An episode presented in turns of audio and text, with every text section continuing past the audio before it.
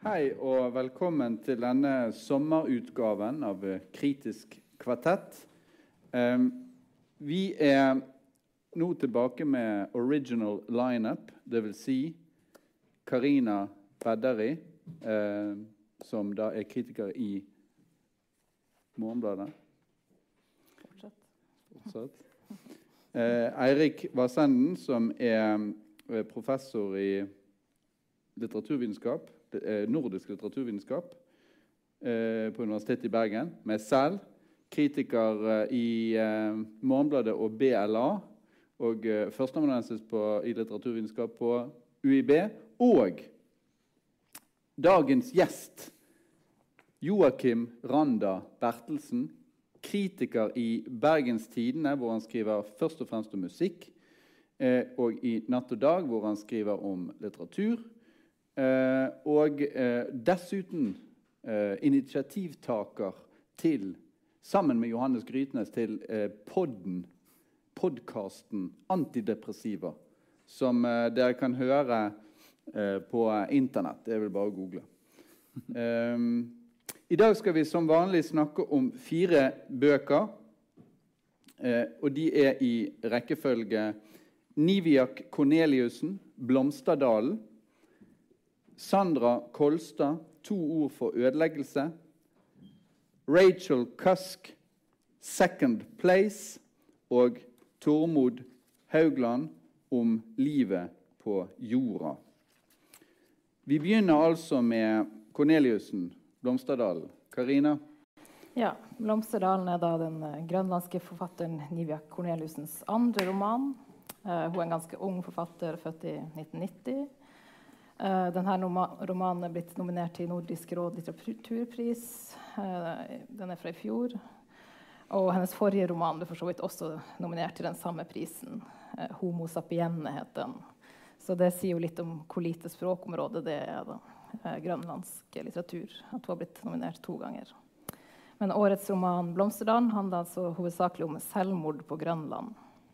Grønland har en åtte ganger, et åtte ganger så høyt årlig selvmordstall som Norge. Ifølge tallene som refereres i romanen, eh, så ble det i 2017 registrert 41 selvmord, 94 registrerte selvmordsforsøk og 832 registrerte selvmordstrusler.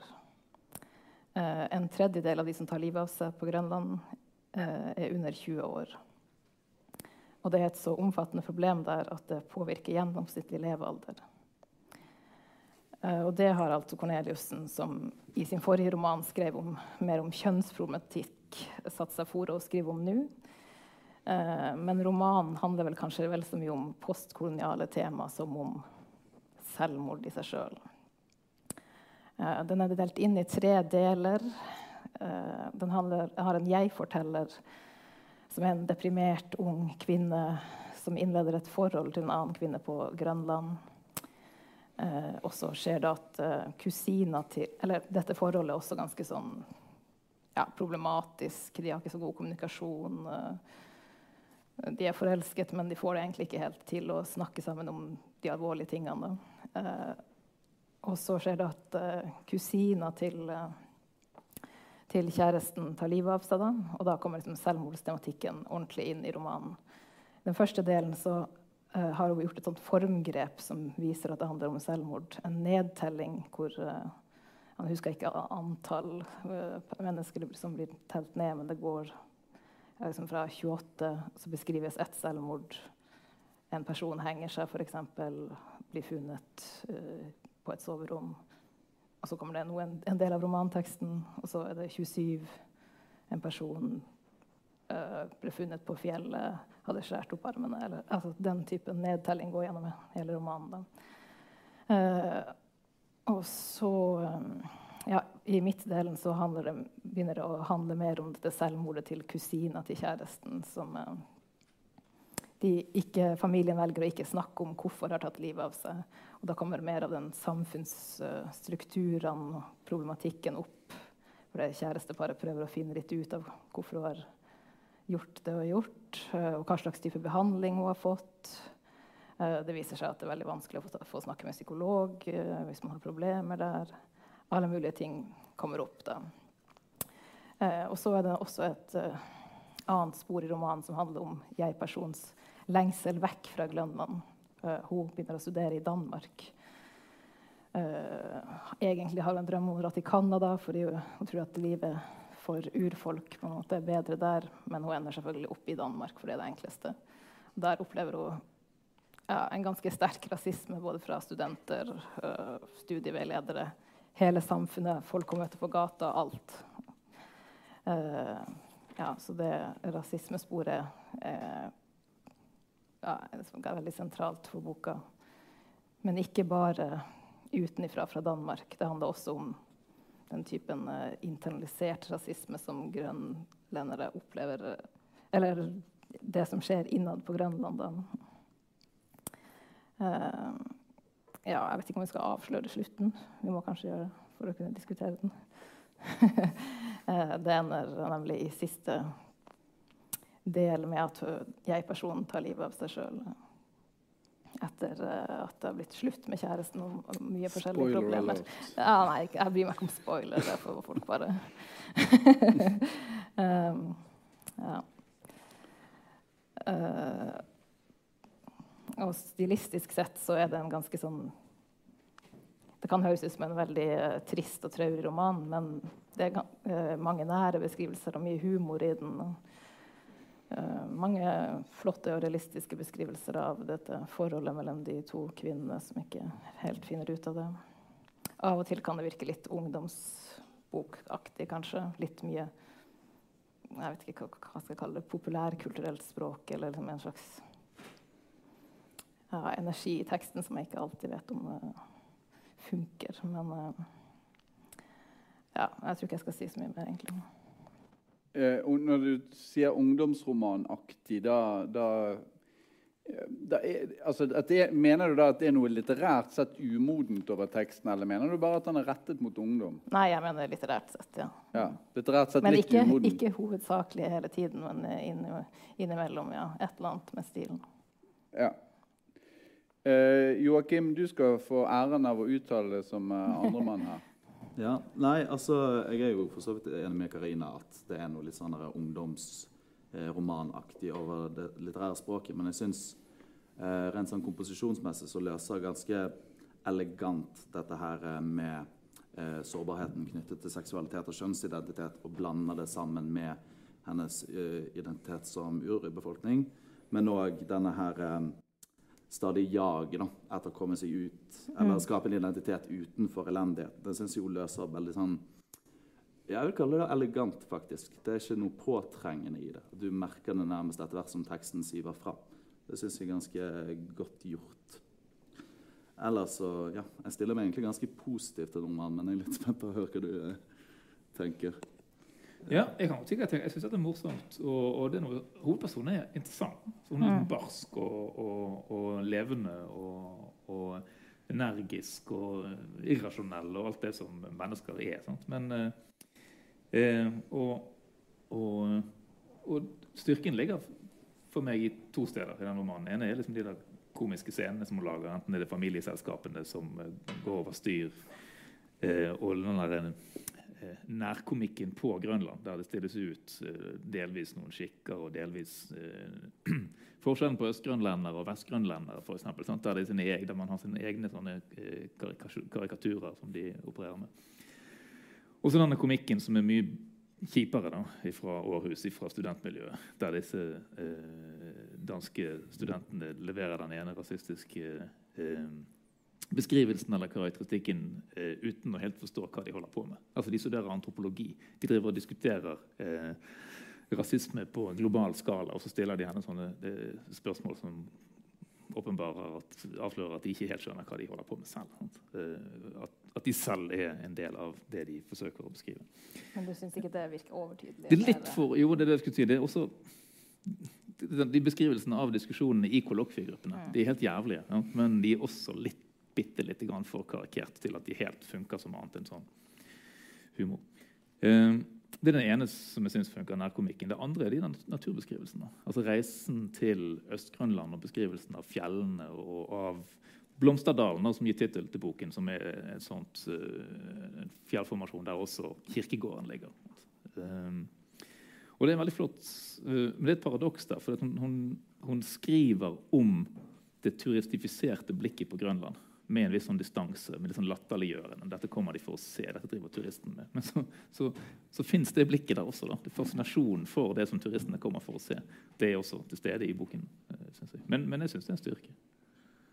Ja, um det der, eh, altså, noe av det som jeg fant for min del mest uh, vellykket ved romanen, er vel den der uh, sammenfletningen av disse temaene. altså det tema, Den grønlandske erfaringen, det homofilitemaet, selvmordstemaet og denne, det å være da, i Danmark som grønlender. Så de, det er ganske bra knyttet sammen. Og så er det noen, også noen sånne resonansrom bakover i, i barndommen til, til bestemor og mor og far. Forholdet til mor og far. Det er en litt sånn pussig ting. Det er en antydning et sted ganske tidlig i romanen om at hun har hatt en mye mye forferdeligere bakgrunn, barndom, enn vi etter hvert skjønner at må være tilfellet. Eh, med, med, at det ble invitert hjem pedofile og alt mulig. Jeg, jeg, jeg, skjønte ikke helt hvor det hørte hjemme, om det var bare en slags sånn allmennbeskrivelse eller en beskrivelse av henne det viser seg etter hvert at hun har ikke hatt det spesielt vanskelig sånn rent altså Foreldrene har ikke vært onde, men de har Ja. Eh, så, så, uansett, de der tema, altså Jeg leser denne med, boken med interesse, men da hovedsakelig av, av tematiske grunner. Altså Jeg syns ikke den er litterært sett eh, interessant, eh, denne boken. Den fungerer. Det er en slags sånn mellomroman i stil, litt ungdomsbokaktig. Eh, men, men, interessante temaer. Eh, jeg lurer litt på altså, Når det gjelder den der, eh, det møtet med Danmark, så er jo disse studentene som hun møter, de er ekstremt som dere har vært inne på, de er ekstremt uh, ufølsomme for hennes uh, grønlandske identitet, kan man si. Vil si at de er, virker helt ute av stand til å forstå at det de presenterer, er fordommer mot grønlendere fra første stund. Altså Hvis du har problemer med å følge med, så kan du oppsøke sånn og sånn. Altså det, liksom forventningen er at kommer, hun kommer til å falle utenfor, og ja, det er det. Men også i romanen så ligger det jo, altså i romanen selv så ligger det jo egentlig en liten sånn hva skal man si, eh, befesting av en, en, en slags grønlandsk posisjon. Altså Danskene er ironikere, de er sarkastiske. Grønlenderne er direkte og, og forstår ikke denne eh, sarkasmen og blir dermed litt sånn sjøsyk i det sosiale. Nesten som om eh, man, man, altså, Som slik folk som er på spekteret, som det heter, eh, ofte har det. Sant? Du forstår ikke helt det sosiale spillet rundt deg. Så det har hun da som et problem hele tiden. Hun orker egentlig ikke å, å være en del av det. Eh, men eh, der, der, lages egentlig en sånn skisma mellom grønlandere og dansker. Der, da. Uten at jeg sier at det er noe, nødvendigvis noe negativt. Men altså, hun er jo også en ganske vanskelig person å forholde seg til. Det er ikke så lett heller for disse danskene å bli, liksom, bli godvenner med denne, denne hovedpersonen. Hun, hun, er jo destruktiv, hun er vill og blir villere etter hvert som uh, romanen skrider frem. Så, til, men altså, til slutt, det som skjer til slutt med denne her, at det blir en sånn selvmordsfortelling. Det er etter mitt syn en litterær nødløsning som, eh, som jeg anser uh, som en eh, skavank. Det er, det er, hun gjør det rett og slett litt lett for seg selv når hun lager en sånn slutt. Det blir på en måte veldig greit å avslutte på den måten. Det som hadde vært vanskelig, det var jo å fortsette. Altså Hvordan hun kommer seg liksom videre og gjennom dette. Det hadde vært mye vanskeligere litterært sett å få til og mer interessant. Ja, Jørgen. Jeg skriver også nesten ikke litt fast. for Jeg merker når jeg leste at dette er virkemidlet med å inndele det etter enkelte selv, eller selvmord for selvmord for selvmord. at Det, ble litt sånn, det er jo meningen, og du blir jo litt desentisert eh, til det etter hvert. Men det er nesten som om eh, romanen krever en sånn ekstrem slutt for i det hele tatt skulle funke. Ja. Det, så går jo seg opp i en felle. Men rent kompositorisk så er ikke det altså, altså det er ikke en det har et innebygget problem da, hvis du skal telle ned fra 45. Eh, som det hun gjør. Du åpner på boken på første side, og så ser du at du her har du 45 deler som du skal lese det gjennom. Sant? Eh, det er rett og slett en, eh, en, en ting som senker, senker tempoet, som gjør det rett og slett litt tregere.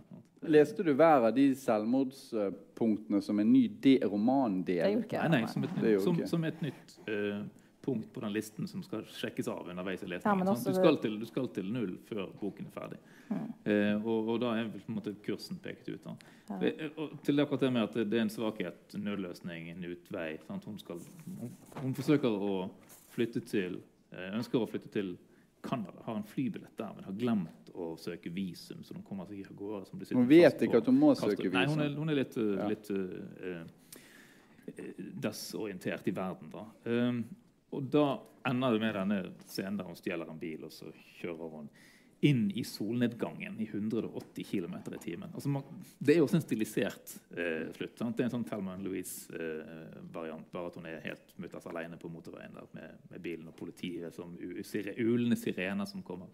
Sant? Så det er en sånn Ja, hva ja, hva syns du, da? Funker det? Nei, nei, nei, det funker ikke ikke det hele tatt. Men, det, det, men det, har, det har et element av noe sånn stilisert. Altså det, tenkt, det, kunne vært, det kunne vært i, på idénivå vært en god slutt hvis det hadde vært skrevet fram på et annet vis. Ja, og så kommer hun liksom inn i Blomsterdal. Men hva syns du?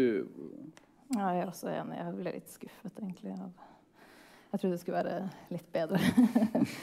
Men eh, ja, til de uh, nedtellingene det, Jeg tenkte det er også liksom mimet. Hun skriver jo en del om på Facebook at hun stadig liksom ser at folk har tatt livet av seg der, og at eh, ja, det kommer sånne kondolerer, og ja, at folk skriver, eh, skriver til de som har eh, begått selvmord. da. At, det- ja, det mimer litt det, og det bare kommer plutselig hele tida et nytt. Ja. Og så var det jo, Du følte jo nesten takten til den eh, nedbrytningen karakteren opplever. Det er akkurat som om hen, hennes liksom nærhet og alt det familiære smuldrer opp da, for hvert eneste selvmord som eh, dukker opp. Så blir det nesten en sånn ja, noenlunde grei løst, eller greit løs kommentar til hvordan sikkert mange grønlandere opplever dette, denne selvmordsbølgen. da. Så, så, så er det er noe der ved det faktagrunnlaget, eller hva man skal si, altså saksforholdene her. Sant? Hun, hun skriver eh, altså I den fasen der hun gjør noen sånne altså hun forsøker å skaffe seg oversikt over selvmordsstatistikkene på Grønland, så finner hun ut at det finnes da ikke egentlig noen en offisiell selvmordsstatistikk, fordi at landet har ikke samkjørte registre, og dermed så kan ikke de lage en oversikt. og Dermed så kommer ikke Grønland med på den internasjonale statistikken over antall selvmord per 100 000 innbyggere. Men hvis man gjør de der, så gjør man liksom de, de små utregningene selv da, og finner ut at det, tallet, altså det landet som har høyest selvmord i verden, på om det er eh, Sør-Afrika eller Lesotho? Lesotho. Lesotho sant? Som hadde 40 selvmord per 100 000 innbyggere årlig. Så regner hun ut at hvis man skulle hatt tilsvarende tall for Grønland, som ikke finnes i i registrene som hun uh, leter i, så ville det vært uh, over dobbelt så høyt. Og det er, det er noe, uh, noe dypt tragisk i, bare i saksforholdene som ligger under denne romanen. Da, sånn som det er veldig vanskelig å, å ja, å forholde seg til i det hele tatt. Sant? Så, så, det er de tingene der som ryster mest eh, i denne teksten. Ja, det, men da, da, sier jo, da sier du det at det å skrive sånn en, altså de der tallene, og så skrive sånn ung eh, mann eh, hengt seg i garasjen, eh, sånn og sånn, var, etterlot ikke noe brev. Punktum. Og så fortsetter bare romanen. Ofte egentlig uten å ta opp det, men noen ganger så tas jo det selvmordet opp. Da, når, når det er noen som, som jeg-personen kjenner. Ja, men, Spørsmålet er rett og slett lar de der helt utrolig brutale og groteske tallene seg oversette til skjønnlitteratur på en enkel måte. Sånt. Eh, la det seg uten videre bli litteratur. Altså Ja, ja, og det er jo det, det vil jeg gjerne ta opp før vi avslutter nå. For det minner meg litt om den der skuggekontroversen. Altså, det er en, en svensk kritiker som har slaktet en bok av Kristina Kristina Sandberg som handler om et alvorlig tema, nemlig at Kristina Sandberg hadde kreft. Og så, og så har hun en del sånne veldig tunge eh, setninger i kursiv da, som, som skal gi tyngde til romanen. Og så sier kritikeren det, at, altså, som heter Skugge, da, at eh, fordi om selve tingen, fenomenet, det virkelige fenomenet er veldig eh, trist og alvorlig, så betyr ikke det at det blir god litteratur. Så hva syns dere? Funker disse her punkt, punktnedslagene i selvmordsstatistikken litterært? Uh, ja og nei. Ja, det tenker jeg si. òg. Eh, På hvilken måte funker det, på hvilken måte ikke? Det funker i den forstand at uh, det, det viser hvordan denne karakteren sakte, men sikkert liksom blir, nærmest blir litt dratt vekk fra, fra røttene sine og klarer ikke helt å forholde seg fortrolig til røttene sine pga. den tragiske situasjonen som er rundt hele tiden. Da. Og hvordan sorgen nærmest hindrer en i å føle nærhet til det. Eh, s- rent litterært så syns jeg det nærmest blir det blir litt kjedsommelig. Det blir litt, litt for konseptuelt av og til. Det mangler litt sånn eh, Det setter ikke nok spor i teksten alltid, syns jeg. Eh, så gjør det Ja, også i tillegg, jeg tror det er også en av grunnene til at slutten er som den er, og han er så svak som den er, er mye på grunn av at hun har lagt den malen for seg. nå. Karina, var dekker det ditt syn omtrent? Ja, jeg tenker at det føles jo konstruert å lese det, men, men at det på en måte funker som et eh, miming av den avbrytelsen hun hele tida får i livet sitt. Da. Ja, altså jeg tenkte et, et stund at den aspirerer Det er som om den aspirerer litt mot kollektivromanen, eller gir et slags nikk til kollektivromanen, hvor du får alle disse skjebnene liksom satt inn. da. Men uten at, uten at disse setningene i seg selv representerer noe egentlig litterært forsøk på å håndtere hva skal man si, selvmords, akkurat disse selvmordstilfellene litterært. da. Bortsett fra det ene hvor, hvor det er kusinen, hvor, hvor, hvor den undersøkelsen var ganske interessant. altså hvor, det, å, det blir nærmest et sånn kriminalmysterium. Altså, vi må finne ut hva som egentlig har skjedd. Har han blitt voldtatt? Har hun blitt... Ja, og Så viser det seg nei, det er ikke noe av det. Det er egentlig det er for det første en selvmordskultur. Så, hvor vi fornemmer at dette rett og slett er, blitt en vanlig måte å tenke på når det gjelder eh, å, å håndtere sterk ungdommelig lidelse, da, sjelelig lidelse, og det andre at, at, eh, at det systemet, det sosiale systemet, ne- eh, altså kommunale helsetjeneste, rett og slett ikke er på plass.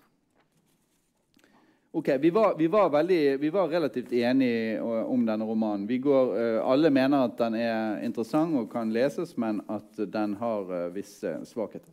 Man blir nysgjerrig på Grønland av å lese den. Absolutt. Ja, Absolutt. Så da er det over til neste, som også da handler om et eh, lesbisk forhold. Sandra Kolstad, to ord for ødeleggelse. Ja, ligger den her, eller? Skal vi vise den fram? Nei. Nei, jeg leste den på Kindle, så jeg skjønner meg. Men eh, ja, jeg skal snakke om Sander Kolstads debutroman 'Tor for ødeleggelse'. Sander Kolstad er jo mest kjent som en kritikerrost musiker. Eh, her har vi en ganske enkel eh, roman. Forteller om rent narrativt messig. En tosidig relasjonsfortelling. Mor-datter ganger to. Eh, typisk oppbygget mot sin uunngåelige kollaps. Vi møter Frida, som uh, treffer sin utkårede. Den røffe og manipulerende kunstnersjelen Nina, kalt Ninja, på et kunstgalleri. Ifølge deres kompliserte forhold, ikke bare til hverandre, men også til seg sjøl individuelt, men også til sine respektive mødre, som er sentrale skikkelser og omdreiningspunkter i denne romanen. Hvem er da disse to eh, hovedpersonene, Frida og Ninja? Eh, På en av deres første utflukter så kjøper Frida en porselensfugl som blir stående som en metafor for henne. Hun er altfor skjør. Nina derimot er en impulsiv, dominant, manipulerende og egosentrisk person. Nina gefler i seg portugisiske boller, sex og det viser seg etter hvert alkohol, men kontrollerer og bruker andres overskridelser mot dem. Frida spiser loff og vasker hus. Av og til drikker hun seg dritings for å forsvinne, i et alkoholmønster som skildres som noe tungt og alvorlig, men som er forbausende tamt. Slike øh, vrangtolkninger oppstår fort når den manipulerende ninja får styre narrativet i skyggen. Jeg tror øh, Kolstad har forsøkt å skrive en roman om grensesetting, og ikke minst hvem som setter grensene, og med hvilke intensjoner de setter disse grensene. Ninja bygger eh, sitt lille grenseløse kongerike gjennom å konstruere ekstremt trange rammer for sin kjæreste og sin mor. Gjennom manipulasjon og intrigemakeri, hvor hun setter Frida opp mot sin mor konsekvent, evner hun å få stadig mer kontroll på henne. Frida på sin side har kanskje satt for stramme grenser for seg selv opp igjennom, og burde kanskje være tydeligere med sin alkoholiserte mor, som nok har preget henne negativt i større grad enn hun liker å innrømme. Mye grunnet deres veldig nære forhold. Lykkes så Kolstad med å skrive denne romanen? Den kritiske resepsjonen har vært polarisert i to ujevne leirer. Den ene leiren består av Morgenbladets Bernhard Ellefsen, som var negativ til romanen, og et stort norsk kritikerkorps som har skrytt av ham på den andre siden. Jeg for min del bifaller meg Ellefsens lesning. mye av hans kritikk går ut på det svært intense og inderlige bildespråket i romanen. Denne kritikken syns jeg er berettiget. Men jeg tror ikke nødvendigvis er der skoen trykker, og jeg vil ta det litt lenger. I Kolstads roman når inderligheten et intensitetsnivå som er så drøyt at det får et ubehagelig, løgnaktig skinn. Dette er egentlig ikke et så dumt grep, all den tid romanens omdreiningspunkt, den manipulerende ninja, i stor grad er et levende eksempel på denne tosidigheten som inderligheten tross alt har. Dette fungerer til en viss grad, og hvis jeg er snill, så hadde det vært uh, men jeg tror det hadde vært atskillig mer virkningsfullt hvis også bildespråket oppførte seg mer som en ninja. Tidvis klarer romanen å fange et visst flott ambivalens i forholdet mellom Frida og hennes mor, men også derfor leseren knapt reflekterer over moderskapet før man serveres romanens fasit i fanget. Ja, jeg skal kort si hvorfor dette her, jeg syns denne romanen blir et mageplask for meg. da. Det er rett og slett kvaliteten på prosaen og billedspråket samt den enorme tettheten av veldig svakt anvendte virkemidler i en roman som hadde godt av litt mer luft.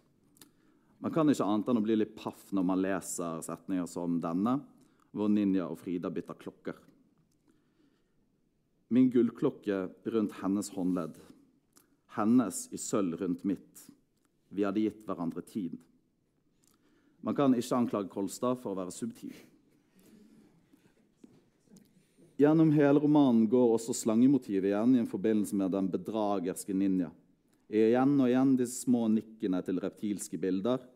Mot slutten av romanen antydes det til og med at hun føler seg som, et, som en reptil. Tungen spalter seg mens hun kjører bil og lyger til Frida. Forbindelsen mellom disse reptilklisjeene og ninja er altså så, så tydelig for leseren. Det mangler nesten bare at hun åler seg gjennom gresset for å ta et jafs av beinet til den skjøre Frida, som en siste grenseoverskridende akt. Forholdet mellom de elskende veksler mellom tilnærming og frastøting, skildret gjennom en gjentagende motiv om at ninja er en vaktpost for en hjerte. Samlivsbrudd, som når Nina rolig og bersket forlater leiligheten sin, starten av brannen, skildres som intet mindre enn en elv som glir ut døren og ned i oppgangen. Det er mange av disse eksemplene. Jeg stiller meg altså veldig negativt til denne romanen, og jeg syns den rett og slett ikke er god. Inderlighetene og det svulstige bildespråket kveler meg litt i lesningen. Det er ikke noe tid til å puste her. Tidvis føles det nesten som å lese et kjærlighetsbrev fra ungdomsskolen under vann. To ord for ødeleggelse er så definitivt en debutroman. Det er det er, for meg veldig forbausende hvor forskjellig mottakelse han har fått. Og han har fått veldig mye skryt, stort sett. Så jeg er veldig nysgjerrig på hva mine medpanelister uh, synes. Jeg, jeg minner om Joachim, at det er du som har valgt denne romanen. Eh, så spørsmålet er jo eh, eh, så Grunnen til at du har valgt den, er rett og slett at du vil høre hva vi syns? Nei, grunnen til at jeg har valgt denne romanen, er fordi eh, jeg ble nysgjerrig, men jeg ble rett og slett trigget da jeg leste Bernhard Ellefsen sin oh, ja, okay. anmeldelse i Morgenbladet. For den var jo så, han la seg på et helt annet spor enn det som hadde vært den kritiske mottagelsen eh, så langt, som har vært veldig positiv. for Men kan jeg spørre om en ting? Syns du at relasjonen mellom de to egentlig er interessant, men at hun ikke skriver godt nok? Altså relasjonen mellom de to eh... Ja, kjærestene. Det var et ledende spørsmål. Nei, men det er en, det er miks Nei, det, det er miks av alt, egentlig. Ja. Den uh, Ja. Ja, Vi får høre, får høre hva du syns, Karine to ord om denne romanen. Ja, to ord. Pompøs. Intetsigende. det er min. Eh, eh, Eirik altså, Det jo en besettelse... Det var forbilledlig kort. Ja, ja, ja, veldig bra. Det er jo en besettelsesroman, dette. sant? Eh, det skal være det.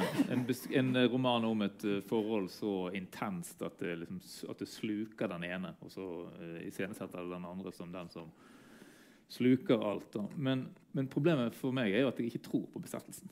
Altså det, det, liksom det, det, er ikke noe her som får meg til å tenke at uh, Ninja uh, Nina er farlig og intens og dragende. Mm. Eh, og som bruker rett og slett ikke altså Det med prosaen ja, ja, den er litt pompøs og litt sånn som en, kanskje en, en, litt overspent gjennomsnittlig norsk debutroman kan være. Men, men det, det, største problemet er at han bruker ikke nok plass på å bygge opp ja, de to karakterene. Og så er det ett et kjempe... Alt er veldig forstilt. Nei, det, det, er påstått eller ja, ja, det ikke, bestemt det, ja, det er riktig. Vi, vi, tror, vi, tror, ikke på det fordi det er påstått og ikke vist. Det er et klassisk sånn, skriveproblem. da. Det blir fortalt istedenfor mm. framvist for oss. Men, men, så er det noen andre ting her. Det er et kompositorisk grep som jeg synes funker ganske dårlig. og det er at vi helt i begynnelsen får vite utfallet. Sant? Altså, vi får noen sånne vekslinger mellom eh, nåtidsplanet og eh, etterpå. Sant? Eh, ideal på de aller første sidene. Og det er jo selvfølgelig at da, da, da, tenker, da, da, sitter man ikke med noen spenning knyttet til hvordan dette forholdet skal utvikle seg. Sant? Da har man en, eh, et svar og, og vet uh, omtrent hvordan veien kommer til å se ut dit. Men, uh, men altså, som en slags sånt et forsøk på en besettelsesroman, så er, så er det jo mange det er mange gode ideer og mange gode forsøk her. Sant? Men prosaen er selvforelsket. Eh, karakterene er ikke helt til å tro på. Og selve besettelsen, altså selve det at uh, denne i utgangspunktet smarte journalisten og skribenten Frida at hun skulle liksom øh, legge seg helt sånn paddeflat for den intense og, og dragende kunstneren. Det, det, ikke, det, det, gir seg ikke så mange grunner til at vi skal følge henne inn i besettelsen. Og det må, det må, det være for at det skal funke som en sånn fortelling som dette. Joakim, Jeg ser en god roman inni her, og det er forholdet mellom eh, Frida og hennes mor. Mm. Den kunne hun skrevet ut. Der er det mye som fungerer, som ikke er så overtydelig, der du nesten sitter og undrer hvor lenge er det dette forholdet egentlig er. Sånn. Jo, men du må, For å skrive en roman så må du beherske romanformen, og du må kunne skrive. sant? Og, og her blir det jo litt sånn der uh, Uh, altså, så, her er sånne ting som står der, som ikke jeg kan tilgi i det hele tatt. Det står sånn Leiligheten var tom. Punktum. Det klare øyeblikket var borte. Punktum. Hun var ikke der.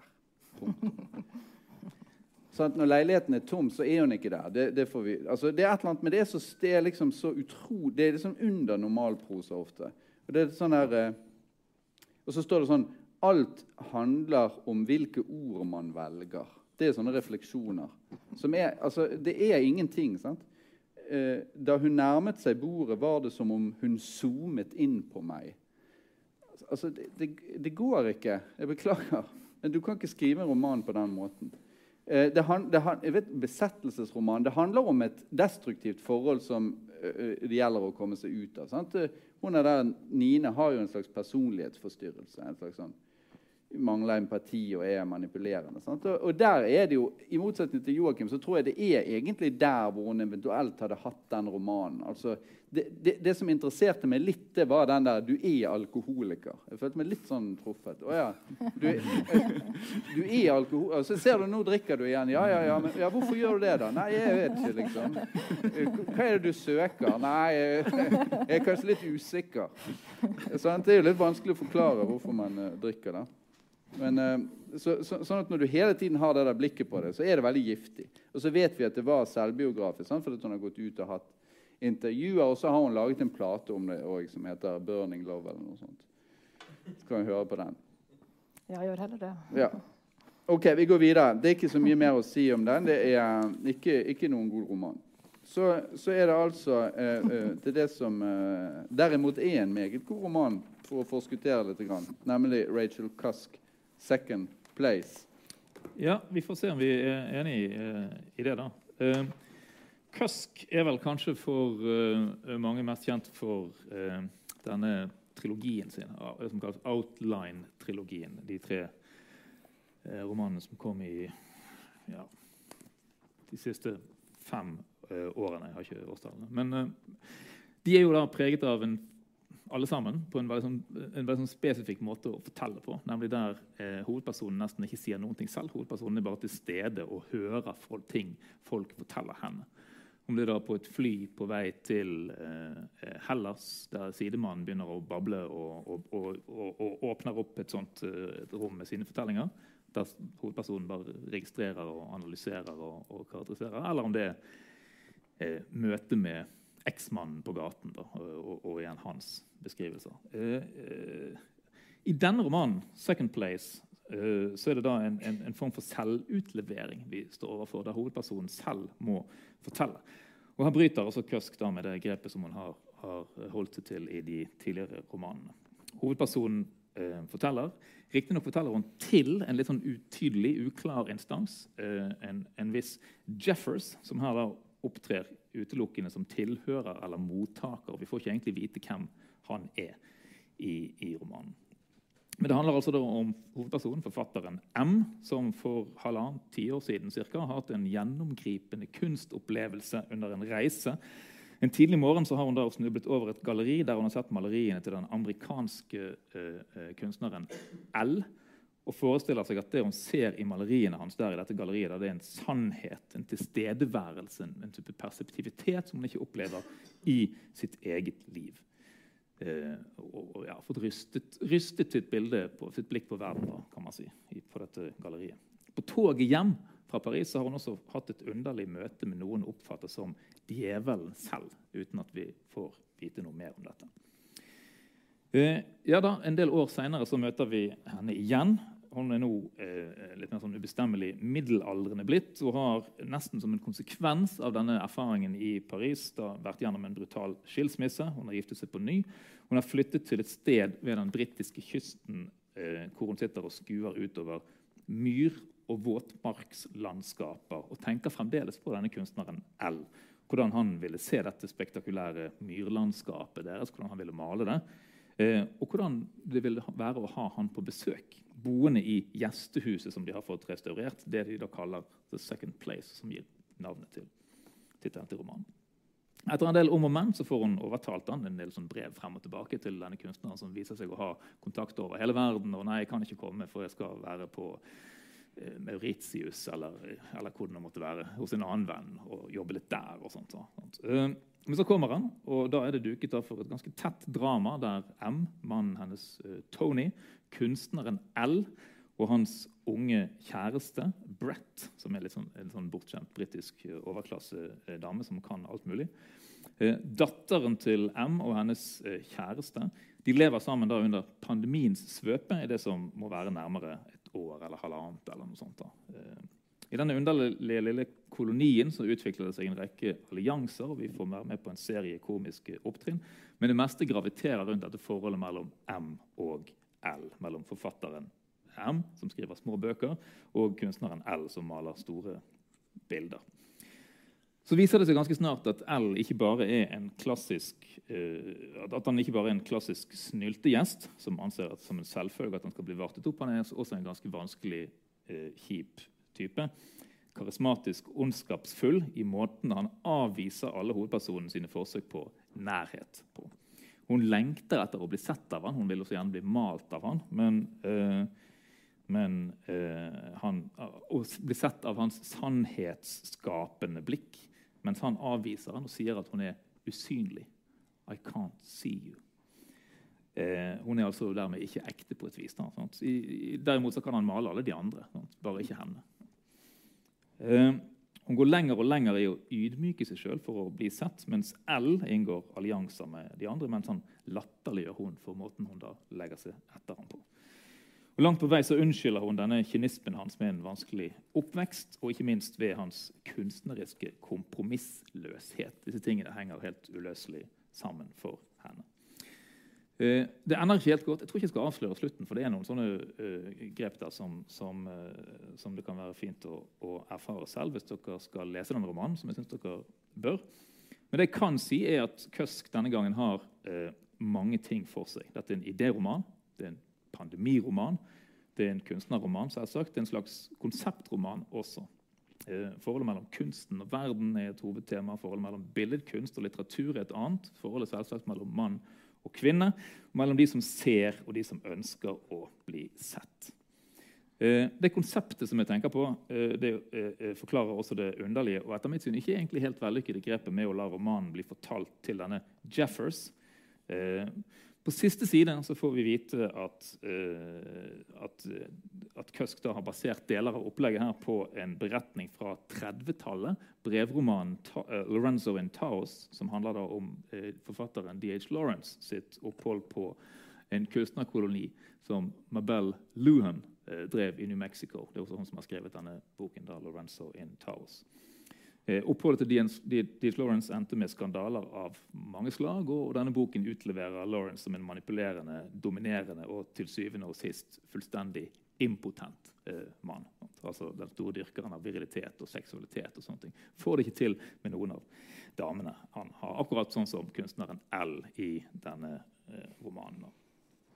Flere av brevene i, i denne eh, brevromanen som Køsk eh, viser til, stilet til den amerikanske poeten Robinson Jeffers. altså der, Derfor dukker navnet hans opp hos uh, Kusk.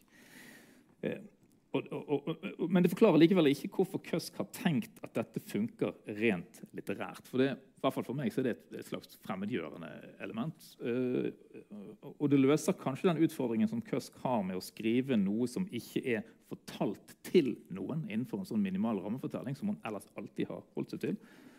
Uh, men for meg så, så, så, oppleves akkurat denne konseptdelen som litt påklistret eller forstyrrende. Men det som funker virkelig, er portrettet av denne demoniske kunstnerskikkelsen L.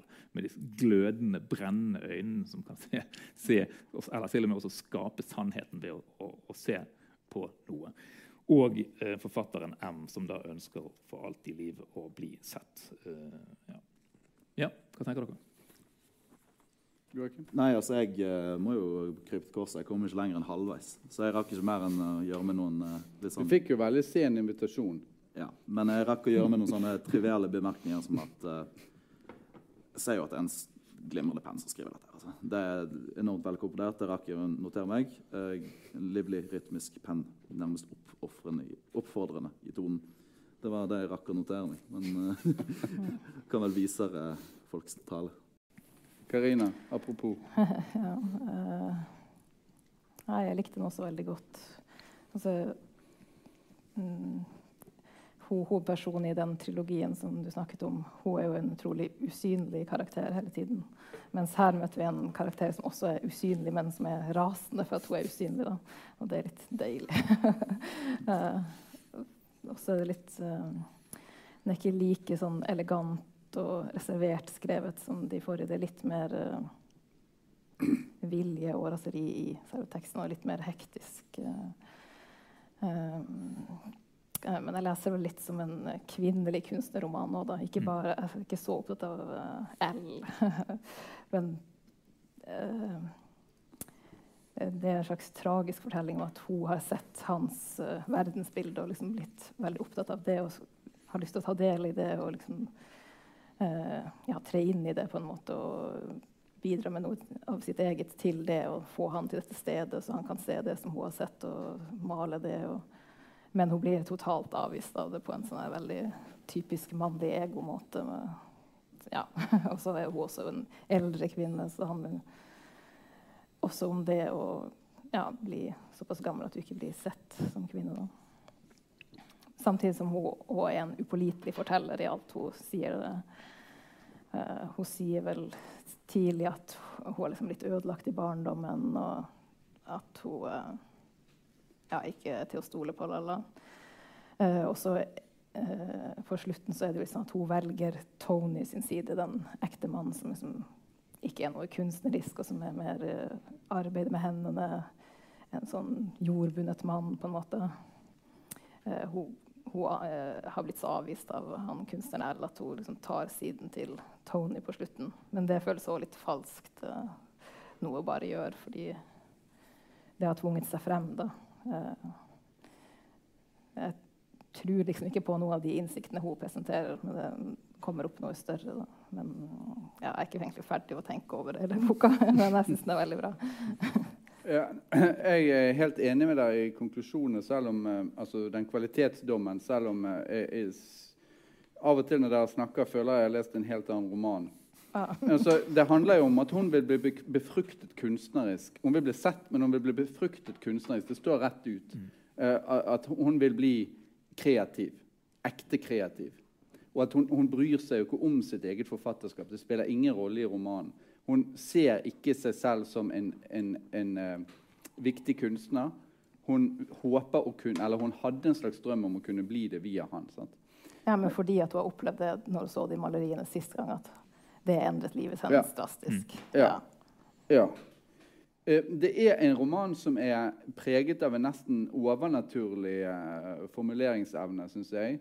Um, jeg har ikke lest Køsk før. Jeg kommer til å lese disse andre sporenstreks. Jeg mener jeg, faktisk at det er helt oppe på nobelprisnivå. Uh, og uh, det er en veldig sånn Den er ikke først og fremst sanselig observerende, som man kunne få inntrykk av. eh, når eh, Eirik snakker. Men den er jo det også. Men det er en veldig reflekterende, refleksiv roman som tar for seg selvets problem, kunstens problem, relasjonenes problem, altså klassiske temaet, egentlig, eh, og som eh, eh, utnytter da denne epistolære formen, altså brevformen, for, for altså, Poenget er litt enig i de der innskutte Jeffers kanskje ikke er helt perfekt uh, integrert alltid. Men det hun, får til, altså, det hun får til ved å henvende seg skriftlig til denne Jeffers, er at, at hun da slipper Det er masse, mange ting hun slipper å gjøre. Hun kan være mye mer på en måte ekspressiv og skriftlig eh, henvendt til denne ukjente Jeffers. Jeg tror, jeg tror, det var helt nødvendig. Altså. Jeg, tror jeg, gå, jeg, tror ikke jeg vil si at den var unødvendig. Uh, den er ikke unødvendig, men den løser et problem som jeg tror er helt reelt for Køsk. Nemlig at mm. det å skrive en streit førstepersonsfortelling eh, rett ja. fram, det har, hun, det har, hun, aldri gjort i noen av okay. bøkene sine. Hun har gjort det i sakprosabøkene sine, og da fikk hun så jævlig mye tyn. Hun skrev en uh, utleverende skilsmissebok som det ble enormt mye bråk om. Nettopp fordi at var, var den dårlig, eller var den bare utlevert? Den er kjempegod. Aftermath, ja, bra, ja. Aftermath heter den. Men uh, den handler da om de som, eller debatten handlet om de som da ble utlevert. Klassiske eh, problemet for ti år siden. ca. Ja. Eh, for meg så er det en sånn bok hvor jeg hele tiden sitter og skriver ned sitater og mm. samler sitater, fordi at det er rett og slett så mye innsikt. Altså, du kan jo du kan liksom sammenligne det med de to forrige, og så ser du at dette er jo på et, en helt annen planet av uh, litterær uh, kunst. Eh, eh, her er bare et eksempel. Det tok jeg nærmest bare tilfeldig opp. Eh, dette er, Vi leste den på engelsk. da. I wanted him, altså L. I wanted him to be more than he was, or to be myself somehow less than I was. And because I wanted those things, my will was aroused.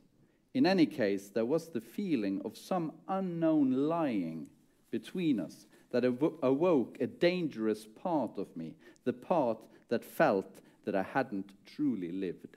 Og det er jo en setning som altså, jeg mener Det er prosakunst som er hele tiden tenkende, eh, og som man, må, eh, som man må jobbe med for å, å, å på en måte skjønne. Da.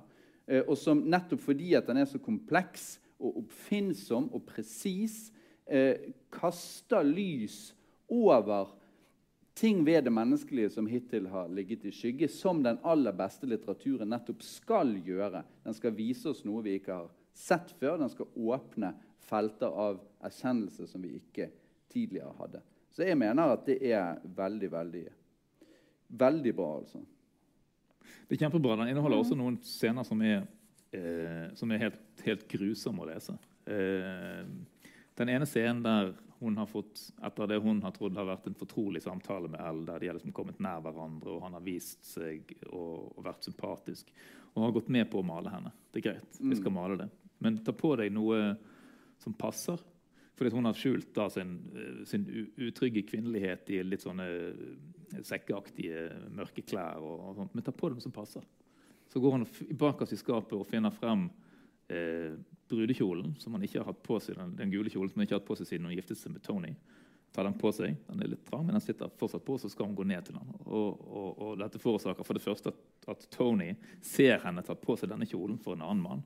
Eh, blir han rasende og, og, drar. Og så når hun da kommer bort til dette andre huset, the second place, så ser han at han ikke er klar der for å male henne. Han har tvert imot gått i gang med et sånt demonisk nidportrett på den store veggen inne i dette huset, der maler, der han maler henne som en slags sånn grotesk, eh, et sånn groteskt eh, Adam-Eva-motiv, der hun er da eh, eh, grusom og stygg og, og forferdelig. Sånn. Så, et sånt, et sånt eh, eh, ja, jævlig setup, da, rett og slett for å ydmyke henne. Mm. Så ondskapen hans, som vi snakker da om besettelser eller relasjoner med, med, med sånne demoniske skikkelser som begjæret retter seg mot, da, eh, så har Kolstad mye å lære av å lese Køsk.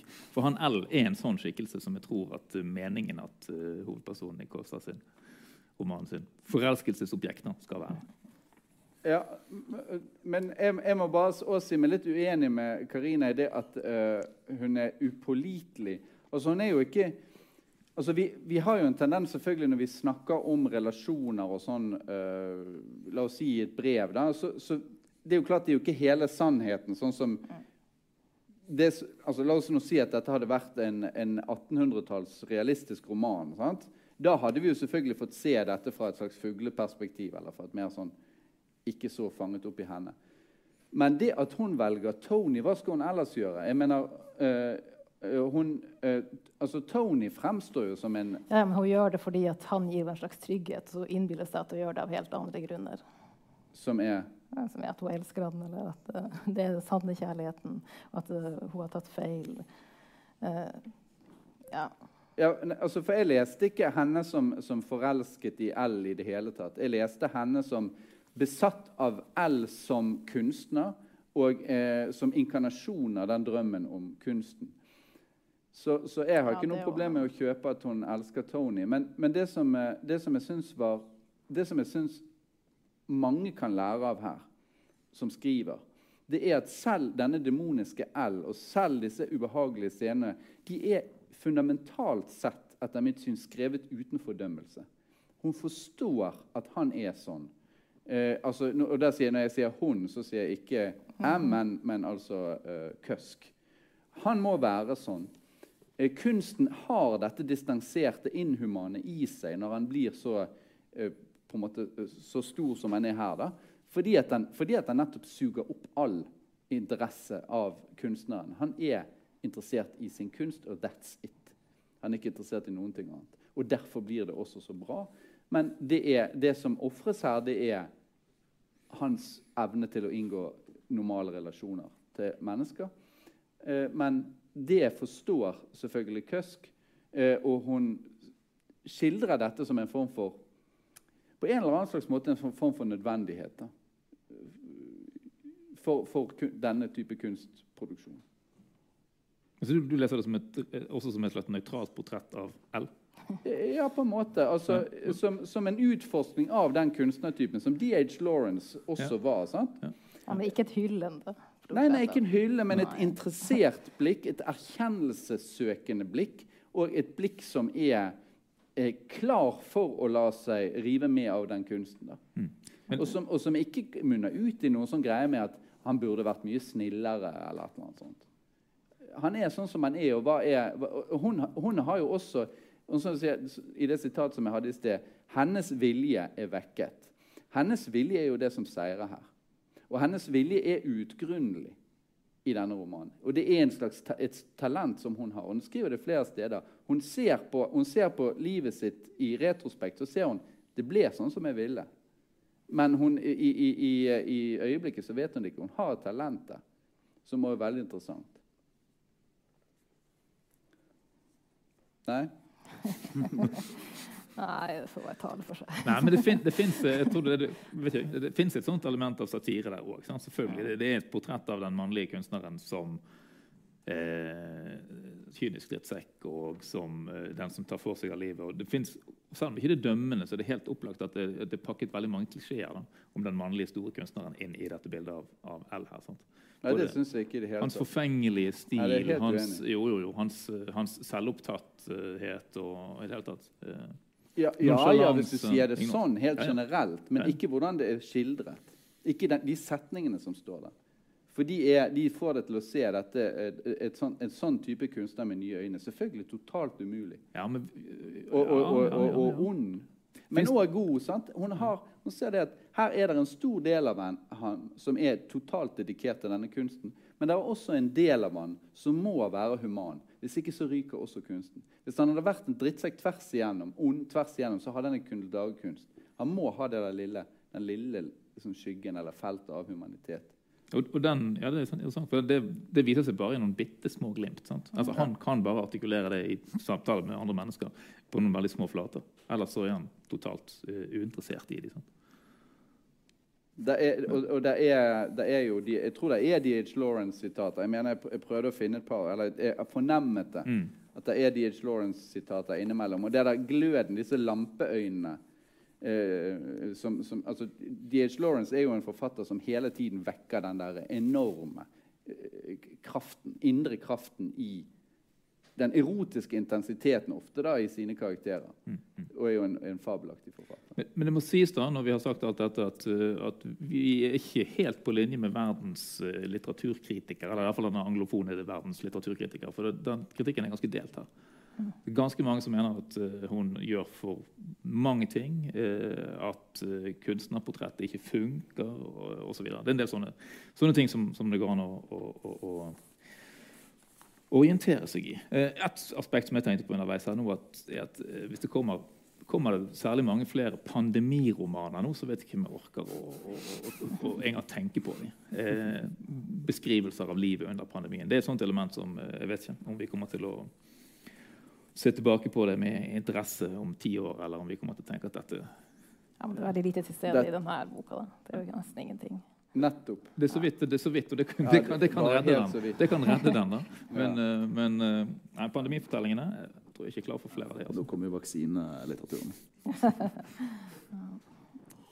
um, OK. Uh, altså, til, til det der du sa om Jeg var ikke klar over at hun hadde møtt, møtt motbør. Men altså, det er noe av det tristeste jeg vet, når kritikere som jo roser og roser og roser alt mulig, inkludert da Sandra Kolstad, 'Det vakreste jeg har lest', osv., så, videre, så jeg skal ikke nevne navn.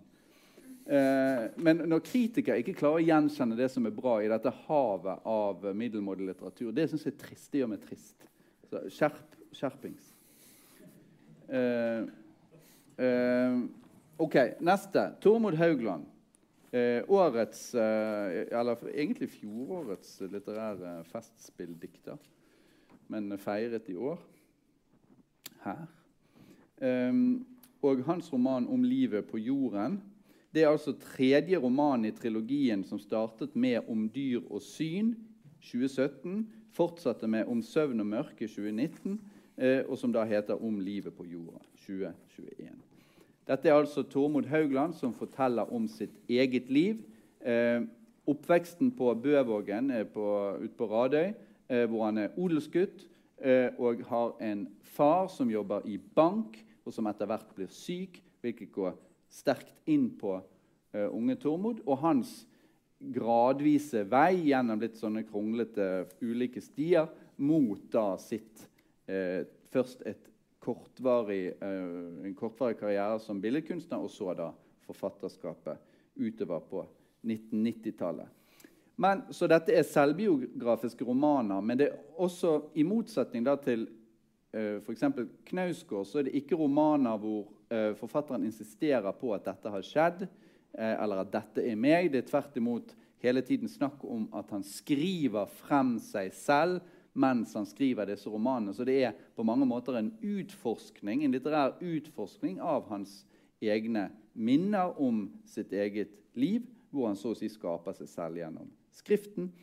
Eh, og eh, dessuten karakteriserer, som jeg har vært så vidt da antydet, at det som karakteriserer disse tre romanene, er at de bare tar for seg deler av hans liv, men så å si ulik, gjennom ulike prismer. Eh? Det er bare frem, Vi får ikke høre noe om selve det å være forfatter i disse tre romanene. Det er portrett av kunstneren som en ung mann. Eh, så eh, i motsetning da til Eller disse, disse stikkordene de har jo hele tiden å gjøre med ja, altså om dyr og syn. Dyrene er på gården, synene hører til kanskje det vi an som er litterært. Søvn og mørke. Eh, ja, jeg vet ikke helt hvordan jeg skal tolke det, men her er det altså livet på jorda. Eh, og det som karakteriserer dette prismet, da, siste prisme, det er eh, at en sterkere erotikk inne i bildet. Eh, den erotiske fantasien om Huldra den fremstilles som helt reell i hans barndomsverden. Han kaller henne Irén, og hun er ute etter sæden hans. Skal tappe han for sæd. Og Han følger etter henne ut i, i skogen, og han, han, anser henne som en, en virkelig person. Eh, dessuten så forbinder han erotikken eh, med kyrne. Eh, hvis reproduktive prosesser han jo er satt til å forvalte og overvåke, som når han da har ansvar for gården. men som også da forplanter seg i ham selv som en slags udefinert trang eller higen eh, som, som, som, er forbundet med hans gryende eh, dikterjeg. Eh, det er ellers et ganske sterkt fokus for så vidt på faren og døden i, i boken. Dernest på disse problematiske kjærlighetsrelasjonene, som, som, er en rød tråd hele veien. Og også på eh, hans opp, hvordan han oppdager Skriften og språket. Altså hvordan han eh, eksempel, altså Han skriver sånne små essays om bl.a. om strøm og hvordan han oppdager gleden ved å si noe som han egentlig ikke tror holder, men, men som likevel gir han en sånn slags drive. drive. Han vil, han, vil, på en eller annen slags måte hele tiden si ting som svever litt mellom det han egentlig mener, og det han ikke mener i det hele tatt. Han, det er veldig sånn utprøvende. Det er egentlig en form for romantisk ironi han er ute etter. En form for evig sveven mellom ulike posisjoner. Han vil for all del ikke lande. Eh, det, denne, denne, trangen til å så å si gå ut i det åpne, der hvor det er alt er i uavgjørbarhetssonen, skal en kalle det det, den finner vi også igjen i hans opptreden rundt omkring på forskjellige fester, og hvordan han er med kameratene. Han overtaler de bl.a. da sine kamerater som han er oppe i jeg husker ikke helt hvor det er, oppe på en folkehøgskole et eller annet sted, eller en sånn eh, jordbruksskole. er det. Og så uh, kjører de De skal til Ålesund, tror jeg det var, og så overtaler han de spontant til at de skal kjøre til Østa, Ørsta gjennom Snedrevet. Fordi at han har kommet på en, en, en jente som han kjente der. Og så vil han liksom dit. Og når han kommer dit, så fester de andre der mens han liksom beveger seg ut i, igjen ut så å si, i det ukjente. Så eh, jeg syns eh, at det er veldig interessant. Det som jeg gjorde da etter å ha lest den, det var at jeg leste alle disse 90-tallsromanene hans. Eh, og så eh, eh, hvordan, hvordan, han faktisk gir en, en, veldig interessant lesenøkkel til de romanene. Hvor, han, hvor, hvor man gjenkjenner alle slags små elementer fra denne eh, om livet på jorda. Sånn at det er en, absolutt en, en, interessant nøkkel til forfatterskapet til Tormod Haugland. Så kan man selvfølgelig diskutere står denne romanen som en påle eh, på egne bein. Vel, eh, den er litt for lang. Den, grann, den, mangler kanskje litt sånn punch og kraft. Den, den, kan, den kunne med, med fordel vært strammet inn og jekket litt, så spritet litt opp. Men jeg synes, For min del så er jeg ikke så veldig opptatt av å klage på denne romanen. Jeg, synes, jeg, jeg likte den, og jeg fikk mye ut av den. Hva sier du, Karina? Mm, nei, jeg er jo veldig enig i at den kunne vært uh, strammet opp. jeg tenker at den er ganske middelmådig. Men hvis det hadde vært 100 sider kortere, så kunne den kanskje vært god. Den er 300 sider, da. Altfor lang.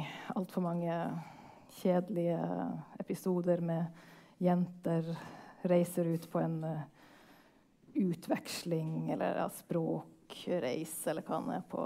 Uh, møter en jente der bor, de bor sammen hos noen sånn vertsfamilie.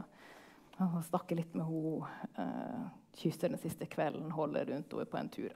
Alt det her er liksom skrevet utover 50 sider. Det, det er jo gørrkjedelig. uh, men jeg er enig i at noe av liksom, den koblingen mellom dyr og de ulike liksom, ja, Den lengselen ut til, ut i det ukjente, at det er noe litt interessant der. Men jeg syns jo at det motivet med huldra at det blir litt for sånn ja, klisjé, da. Uh, uh, kvinnen som et dyr. Han gjør ikke noe med den skikkelsen som jeg ser, det som gjør det til noe mer interessant enn den stereotypisk sånn uh, mystisk kvinne. Oh, huldra. Ah, jeg blir bare irritert. uh, og så er det jo et annet motiv, sånn ledemotiv som du glemte å nevne. Den der ullgenseren han får ja. fra en av kjærestene. Den bergenske kjæresten. Ja, maskinstrikket uh, fabrikkullgenser fra en kjæreste bergensk. Mens han er jo vant til at alle kvinner i hans slekt strikker sjøl, og det er det han holder fra det høye. da. Han er imot all type industrialisering. Ja, den unge Tormod. Uh, alt det ser han på som eh, ja, kapitalismens verk og forferdelig det håndverket som er godt. Så han får veldig sånn ambivalent forhold til den genseren når han får den av denne kjæresten. Det ødelegger jo omtrent hele forholdet, men likevel så tar han vare på den, for han savner henne. Han går med den liksom rundt. Den, den opptrer veldig mange steder i boka, på samme måte som i den første om dyr og syn, som var en sånn slåsshanske som faren hadde, som fungerte på en lignende måte. Som, eh, men det er en mye bedre bok. Da. Eh, her så sånn, Ullgenseren blir bare så eh, Ja, det funker ikke som symbol. Det blir for overtydelig. Og så på slutten av det siste scenen så prøver han å sette fyr på den i et busskur, men han må likevel ta den med seg videre, for den brenner ikke opp. det uh, ja, hele tida den der ambivalensen mellom de hans idealer som man etter hvert skjønner er gammeldagse, og som man etter hvert liksom, må ta avstand fra delvis. da. Jeg syns ikke det funker, den måten han har satt det inn litterært. Spesielt ikke med den ullgenseren. Og heller ikke huldra og, uh, og hele den ene Jeg kommer jo fra gård sjøl, så jeg kan kjenne meg igjen i mye av de beskrivelsene av dyr. Men jeg syns det virker som det er skrevet for folk som tenker at oh, dette er liksom litt spennende og farlig. Ja, det er noe liksom, likhet mellom dyrisk seksualitet og menneskelig seksualitet. Oh. Men det er, helt, altså, det er ikke så, så farlig som man gjør det til i måten man skriver på. Uh, ja, en, en, en, kort kommentar til det der med huldra. Ja. Uh, altså, det er klart at det huldra-motivet er litt vanskelig. Men det som gjør det for meg, er at jeg rett og slett tror på han. Altså, Jeg tror at han, at han, at han hadde det sånn, at han faktisk så huldra da han var uh, liten. Og at, og at, han levde med huldra i seg. Hvis, hvis, dette var, hvis, dette hadde vært en ikke selvbiografisk roman hvor han bare hadde funnet på det med huldra, så hadde jeg vært helt enig med deg. Men, men, jeg tror på han da. Ok, Men det blir interessant, da? Eller? Ja, da blir det mer interessant, for da lurer jeg litt på eh, Da, da, altså, da er det jo et syn, da. Ja. Uh, og da er det ikke, da, da er det ikke liksom uh, ganske enkelt en klisjé. Jeg mener at det, det når du, når, du, når du, har en sånn faktisitetsdimensjon ved romaner, at det endrer lesemåtene. Jo, men han sier jo sånn som du sa også, at han, han har jo ikke, ikke, Det er ikke kun fra hans liv. Han har jo skrevet det om, og han han kommer jo helt inn, inn, og kommenterer at 'nå er jeg 58 år, og nå ser dette sånn, sånn ut'. Ja, ja, men, men, men, han sier ikke at, at, det der med huldra var oppspinn. Nei, det er uh, og, og det, det, du står fritt til å ikke tro på det, men jeg, jeg, jeg tro, trodde på det. da. Og det er klart at Han prøver jo å skrive selv, selvbiografisk. Ja, men han har tatt med litt for mye, da. Ja da, det er vi enige om. Ja, jeg er jo enig med deg, Frode. Uh, jeg er for så vidt enig med dere begge to i at uh, romanen hadde kanskje hatt fordel av å være kortet litt ned.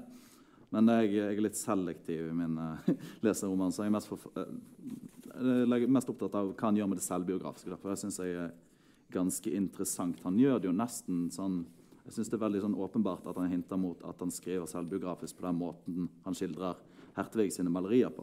Bare for å ta et lite sitat derifra legger, dette sier han om Hertvigs malerier. Jeg merket til hvordan han legger et slør av mystikk over det ved hjelp av tåke og røyk. Og det er litt sånn jeg synes Han forholder seg til dette her unge kunstnerjeget han skal skrive fram. Da. At han nærmest drar det ut av tåken. Han har en veldig god penn. Han skriver med det jeg nesten vil kalle en slags prosaisk musikalitet. Det er en slags kontrollerthet over det men en kontrollerthet over det fordi dette her er lyriske jeget skal, nei, dette dikterjeget han skal dra ut av, av tåken, er så energisk, det er så vilt. Det synes jeg er veldig sånn, der, Det er nesten der jeg leser Huldere inn. Mm. Uh, jeg syns han lykkes i veldig stor grad med, med, de, med de, komponentene. Har du lest de andre? Uh, skummet. Ja. jeg har lest de andre og, og syns at den uh, trilogien hans uh, uh, dette er jo liksom portrett av kunstneren som uh, ung mann uh, binder. Da. Jeg syns den trilogien hans uh, står kjempegodt uh, blant en, en, rekke med hva skal det, altså odelsromaner i norsk litteratur. Han står siden av Vesaas eh, sin Storspillet og 'Kvinner roper hjem'. Også der animaliseringen av kvinnen som går langt utover over alle støvleskaft i bind to. sammen med Åsmund Sveen, 'Svart jord'. Alt dette er bøker som dere bør lese. Eh, og, og, for så vidt også Tur Erik Lund, da, 'Grøftetildragelsesmysteriet', som er en norsk odelsroman. Eh, men, eh, men, i en tid der odel ikke funker. Og det er jo det som også er et av spørsmålene som, som, som, som fins her. Hva gjør man hvis man ikke vil være bonde? Eh, og hvis man har en dragning i seg som, eh, mot, ja, mot, jorden, da, mot livet på jorden, som går i en annen retning enn den hva skal vi kalle det, påkrevde fornufts- og eh, driftsorienterte. Hvis du ser Huldra så, så, så, er det som en realitet, så betyr det kanskje at du ikke er bonde, men kunstner. Altså Hvis du ser Huldra og tror på det. Sant? Eh, det, det, er ikke, det, er ikke, bare han som ser huldra her. Han, han, er på, på, sporet av en av studiekameratene sine oppe på landbruksskolen. Mm. Som han har fått for seg at han også har sett og hatt et, et, et sånt forhold til huldra. Og, og, forsøker å få han til å innrømme det. Men det vil han bare ikke han. Han avviser det totalt. Han vil ikke men han blir voldsomt dratt mot han. Ja, selvfølgelig blir dratt mot han, fordi De deler en erfaring som er intim, og som også da er det tror jeg er riktig for det, den er reell for han. Huldraen Huldran fins. Eh, der. Og, og, og, det forandrer jo eh, det, Hvis hulleren finnes, så forandrer jo det alt. Sant? Eh, for det betyr at forholdet mellom visjonene og, og seksualiteten og, ja, det å være på gård, da, det, det, har noe mer i seg enn bare det rent praktiske. jeg syns dette er kjempebra. og, akkurat det der med ja, hva er det som ikke er å like med 50 sider om den unge mannens eh, våknende begjær på stranden i Brighton sammen med franske Kristin på 15 år? Eh, en annen ting er jo at det henger tett sammen med, eh, med altså, hans, eh, hans, egen tenåringsfortid henger tett sammen i romanen med eh, slektsfortiden. Altså det er bestemoren som i ung alder adopterte bort barn til eh, Frankrike, og som hele livet har sittet med sin samling av antologi med franske dikt som han har lest i uten å kunne et ord. Mm. Eh, for å være nær sin bortadopterte datter. Sånn at eh, den unge mannens kjærlighet og bestemors uh, tapte barn henger jo også sammen her. Da. Det er noe, klart det er noe sentimentalt i dette, da, men akkurat den scenen med bestemoren den er enormt rørende. og Jeg skjønte ikke da jeg leste det, Altså, det var noe rørende bare ved tanken på bestemor som sitter og leser franske dikt hun ikke forstår. Ja. Eh, mm. så, som, som, jeg syns var, var, veldig gripende. Lenge før vi fikk høre noen ting om dette mm. barnet. Sant? Altså En mm. sånn underlig eh, kompositorisk eh, ting som bygger seg opp der. Eh, og, og, og, Nei, det er klart det at en roman som, som liksom går inn i den der dikter mytiske Det er det han gjør. Sånn, dikter med mytiske verden der han slutter seg til ja, verdensanskuelsen til Olav Nygaard og Olav Aukrust og disse nynorskdikterne som i hvert fall står meg ganske nær. Eh, der er ikke skillet mellom det som fins, og det som kanskje fins, og det som kan finnes. Det er ikke så, det er ikke så reelt. Nei, Det hadde jo gått an å skrive det på en annen måte som ikke benyttet seg av akkurat de, de gitte forestillingene som allerede er der. Men jeg, ja, jeg, jeg, ser på det som en del av prosjektet. her. Han nevner jo, disse, han nevner jo de navnene som vi her eh, snakker om. Ja, ja, han går liksom inn i det rommet som allerede er befolket og møblert av, uh, av andres varianter av huldra. Han siterer jo bl.a. noen av Nygaard sine huldertekster. her. Uh, en ting som det gjelder akkurat det der spørsmålet om i hvilken grad dette er virkelighetslitteratur og, og Knausgård og, og, sånne ting.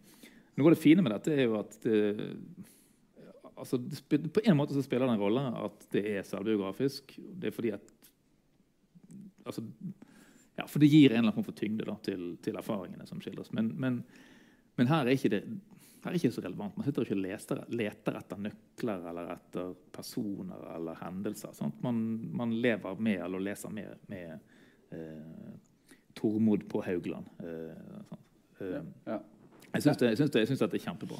Jeg, jeg, tror, jeg, tror, også at jeg, kjøper på en måte hans intuitive skrivemåte her. Han, jeg har hele tiden en fornemmelse av at han er sånn søvn og mørke. Altså Han må skrive sånn som han skriver, og så satser han på at, at, at det klinger liksom bjeller fra uh, den ene kvinnen til den neste, og at det, og at det slår an et tema som passer sammen med den der genseren og huldra og kyrne.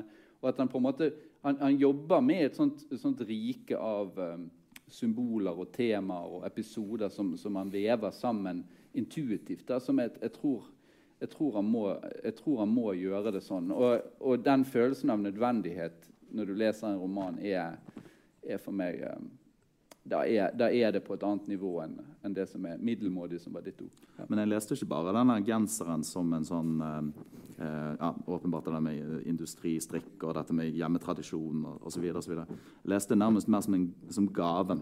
Den fatale gaven. Det som man har fått en dødsdom i.